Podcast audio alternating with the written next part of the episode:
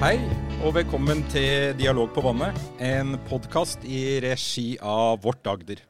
Mitt navn er Ronny Bjørnvåg, og tema for dagens episode er Kan digitale teknologier bidra til å redusere ensomhet og utenforskap? Med meg i studio så har jeg med meg Wenche Halsen, leder for Senter for et aldersvennlig Norge. Tone Merete Våren, ansvarlig for Leve hele livet, stab, helse og levekår i Arendal kommune. Og Henriette Hovland, stipendiat, Senter for e-helse ved Universitetet i Agder. Det, det blir ofte sagt at ensomhet er den nye folkesykdommen og at deler av befolkninga er så ensomme at det gir de redusert livskvalitet, med økt forekomst av både depresjon, hjerte- og karsykdommer og redusert levetid. Men i Norge så har vi også en kvalitetsreform, Leve hele livet, og den skal bidra til å finne nye og innovative løsninger for å skape et aldersvennlig samfunn, sånn at de eldre kan mestre og leve lengre. Mestre livet lengre. Og det er også en eh, I et digitalt, stadig mer digitalt samfunn som Norge er, så er det også en uttalt nasjonal strategi at vi skal eh, motvirke, motvirke digitalt utenforskap. Hvor det understrekes at alle innbyggere som ønsker det, skal kunne skaffe seg den digitale kompetansen som trengs. Eh, for å kunne bruke de digitale verktøyene og tjenestene som i dag alle er blitt så avhengige av. Og at alle da via det skal kunne delta i samfunnet Eh, både demokratiske eh, prosesser og et sosialt fellesskap ved hjelp av digitale verktøy. Så da er vi tilbake til spørsmålet om digitale teknologier kan redusere ensomhet og utenforskap, eller om digitale, det digitale er så krevende at det rett og slett skaper et utenforskap. Wenche Halsen, du er eh, leder for Senteret for et aldersvennlig Norge. Velkommen. Takk for det. Er, dere er en del av Helsedirektoratet, og dere er et nasjonalt kompetansemiljø som arbeider for å fremme aldersvennlig samfunn i et bærekraftsperspektiv basert på brei innsats og i samarbeid med ulike aktører og samfunnssektorer. Kan du si noe om omfanget av den ensomheten som finnes blant eldre, og hvor farlig den, den kan være? I utgangspunktet så opplever vel vi at man vet altfor lite om ensomhet blant eldre. Det er masse myter, og det er myter om at eldre er veldig ensomme. Uh, men det er sånn, hvis man gjør en undersøkelse på det, så er det sikkert veldig vanskelig også for en eldre som blir spurt rett ut om du er ensom, å svare ja på det. For det er ganske stigmatiserende. Men mytene er jo at alle tror at eldre er veldig ensomme. Spør du eldre om de tror at eldre er ensomme, så svarer de også ja. Oh, ja. Men får de spørsmål om de er ensomme selv, så svarer de nei. Uh, og det er vel kanskje det som Det ligger noe der som man er nødt til å få mer innsikt og mer kunnskap om dette som går på ensomhet. Så vi vil ikke si, altså, vi vil ikke si at eh, nødvendigvis digitalisering skal hjelpe eldre ut av ensomheten, men vi skal si at digitalisering vil bidra til å forhindre at eldre blir ensom. For med en større, stadig større og mer digitalisert verden, mm. så er det helt klart at det er en risiko for at folk faller utafor for at de ikke greier å henge med. Det er 600 000 som er svakt eller ikke digitale i Norge i dag. 80 eh, altså 480 000 av disse, er over 65 år. Og det øker med alder. Altså du opp i, Når du er 80 år, så er de svakt og ikke digitale. Men det er klart, vi jobber for framtida, og vi jobber for at folk skal henge med. Mm. Uh, og det er helt avgjørende mm. for å forhindre at folk faller utenom. Mm det, det, du var inne på med at eh, og sånn som jeg også sa innledningsvis, at det, tjenester blir stadig mer digitalisert. Eh, hva tenker du om eh, den kompetansen da som kreves? Altså det er, det, er, jo viktig at de som er brukerne, også får være med og medvirke når nye løsninger og nye tjenester kommer. Fordi at de som finner på og lager de nye løsningene, det er jo født digitale, og det er jo mm. superbrukere alle sammen. Mm.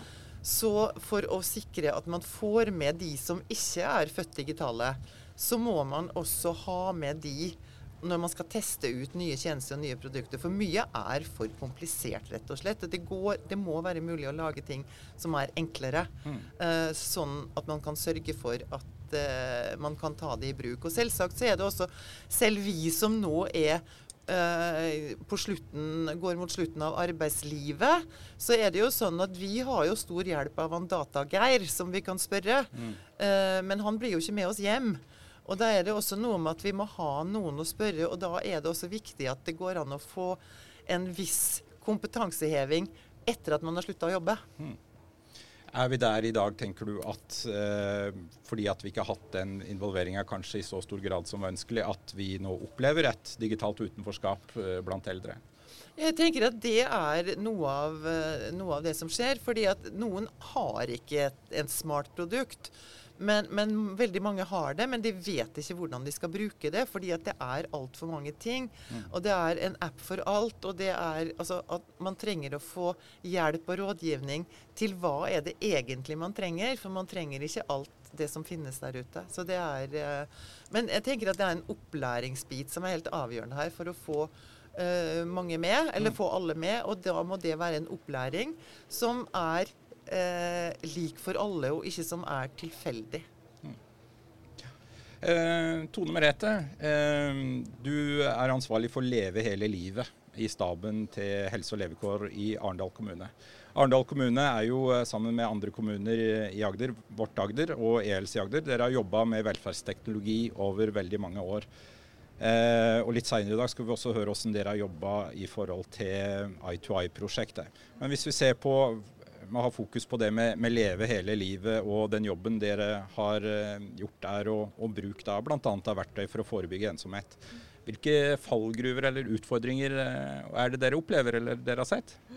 Jeg tenker at Det viktigste med Leve hele livet-reformen, som er jo en eh, grunnleggende satsing for å få ting til å fungere, så du kan leve godt gjennom hele livet, Um, og så vet vi at alle gode tiltak, alle gode insentiver, de virker der og da. Men hvis de skal uh, vare, uh, så må de forankres. Um, og Leve livet-reformen er helt avhengig av uh, at den forankres i kommunens planer. Så for Arendal sin del så putter vi inn reformens formål inn i kommuneplanens samfunnsdel spesielt. Og vi utvikler et styringsverktøy som helt tydelig viser Eh, de forskjellige tiltakene på forskjellig nivå i forhold til støtte. Um, og nå er jo I2I ett prosjekt, men det finnes jo mange andre satsinger. Mm. Så det som er viktig for oss, er at det synliggjør eh, på hvilket nivå innbyggerne har behov. Og du nevnte kartlegging. Eh, og det som er veldig viktig for en kommune, er jo å vite hva utfordringen er. Og ikke minst hva ressursene våre er. Og det sier jo folkehelseloven også at vi skal ha oversikt på. Så hvis vi er gode på å knytte disse Eh, forskjellige satsingene på utfordringene våre, som jo den demografiske utviklingen er, så, så, så, gjør vi det bra hvis vi får det inn i et styringsverktøy. Og det, det jobber vi veldig for. Mm. Uh, så vi er i gang med noe som heter innsatstrapp, som vi skal helt tydelig vise på hvilket nivå du trenger uh, støtte eller inngripen. Og så går vi helt opp til, altså, til sykehjemsbehov og helt ned til når du bor hjemme i egen bolig eller er frisk og forebyggende innsatser. Så det, det er viktig, eh, viktig, kunnskap.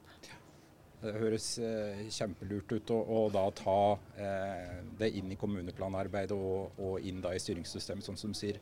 Andre kommuner som kanskje ikke har gjort det, men ønsker å gjøre det, eh, har du noen tips eller råd i forhold til hvordan de bør gå fram hvis de skal starte med å å bygge det her fra, fra toppen Da. Ja, jeg syns Leve hele livet-reformen har vært veldig flinke til å gi eh, altså litt sånn progressiv råd om hvor du begynner. Og, så det med, med, kunnskap om hva som er behovet blant innbyggerne, er kjempeviktig.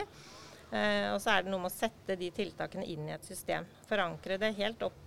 Altså En plan er jo oppe i ledelsen. Eh, men det må bli også å putte det inn i kommuneplanen. Eh, og når du gjør det, så putter du også inn i handlings- og økonomiplan som er jo der pengene er. Så, så, du må putte det inn i system. Det nytter ikke Det er veldig gøy å jobbe med prosjekter eh, som virker kjempebra, men hvis ikke det er kjent eh, i kommunen, så vil det forsvinne. Mm. Dessverre. Henriette Hovland, du er stipendiat ved Senter for e-helse ved Universitetet i Agder. Hva vet vi om eh, eldres erfaringer med bruk av teknologi for sosial kontakt? Eh, hva kan forskning eh, fortelle oss om det og de positive effektene det kan ha? Takk, Ronny. I en del av doktorgradsarbeidet mitt har vi stilt dere spørsmålet om hvordan erfarer eldre bruk av digital teknologi for sosial kontakt, og det er det jeg har litt lyst til å si noe om. Ut fra foreløpige resultater i vår systematiske litteraturstudie finner vi at eldre erfarer at digital teknologi for sosial kontakt gir en meningsfull sosial interaksjon utover vanlig kontakt ansikt til ansikt. At de får en ny type kontakt med venner og familie. De erfarer òg at sosial kontakt og bruk av teknologi gir dem en følelse av frihet og noe som beriker livet. I flere av de inkluderte studiene forteller eldre at sosial kontakt og bruk av teknologi påvirker deres livskvalitet positivt, og at de føler en type tilhørighet til samfunnet rundt dem, ved at de kan være informert om det som skjer.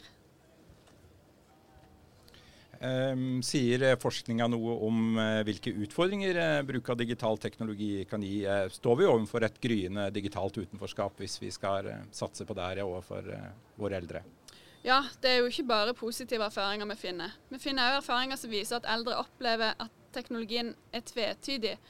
At de har motstridende følelser mot det. Altså at de opplever det som plunder og heft.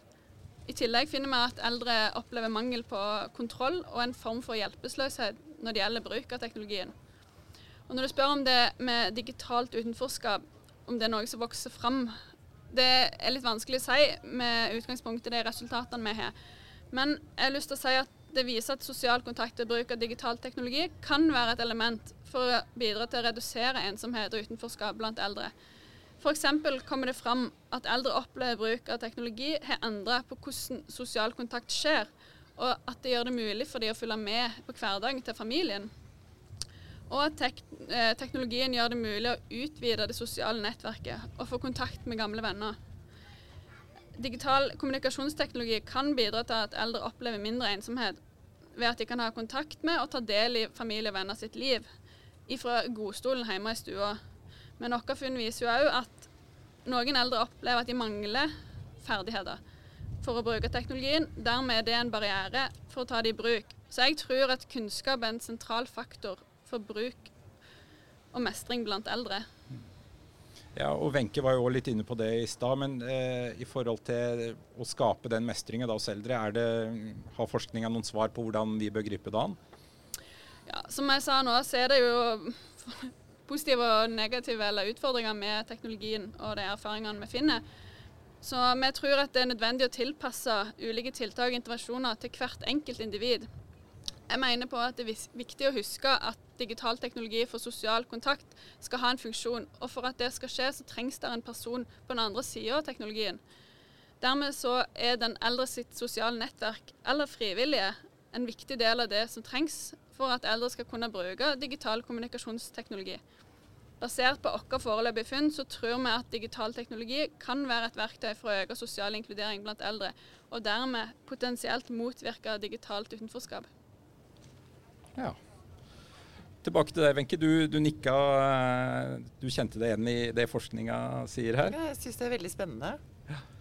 Uh, Leve hele livet-reformen den skal jo nå følges opp av reformen Bo trygt hjemme, som skal lanseres sånn som jeg forstår i 2023. Vi veit jo ikke helt hva, hva, som ligger i den, men hva kan vi ønske oss av den, og, og hva, hva, ønsker dere dere i, i senteret i forhold til hva vi trenger framover for å møte på de utfordringene vi har snakka om?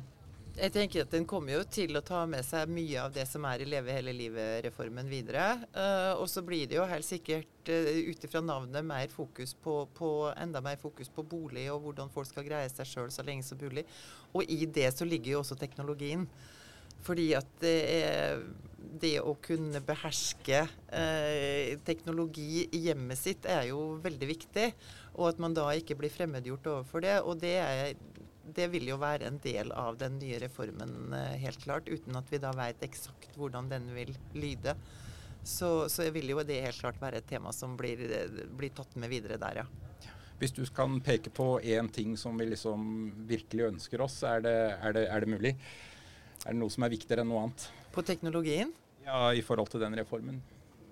Nei, jeg tenker at det er viktig at uh, man involverer de eldre selv i det som skal lages. Og at, man, at eldre sin stemme blir hørt. Uh, fordi at det er de, de som har skoa på, som veit hvor den trykker hen. Mm. Uh, så det tenker jeg at det er veldig viktig. Tusen takk til dere. I denne podkasten har vi stilt spørsmålet om digitale teknologier kan redusere ensomhet, eller om digitale løsninger er med på å fremme utenforskap. Vi har snakka om omfanget av ensomhet og hvilke muligheter og utfordringer som ligger i bruk av teknologi som verktøy for å forebygge ensomhet. Stor takk til Wenche Halsen, Tone Merete Varen, Henriette Hovland. Mer informasjon kan dere finne på RKG e-helse sine hjemmesider, USOT eh, og UiA e, eh, Senter for eh, e-helse. Og husk å følge Vårt Agder i sosiale medier på hashtag Vårt Agder. Du har hørt en episode av Dialog på vannet, en podkast i regi av Vårt Agder.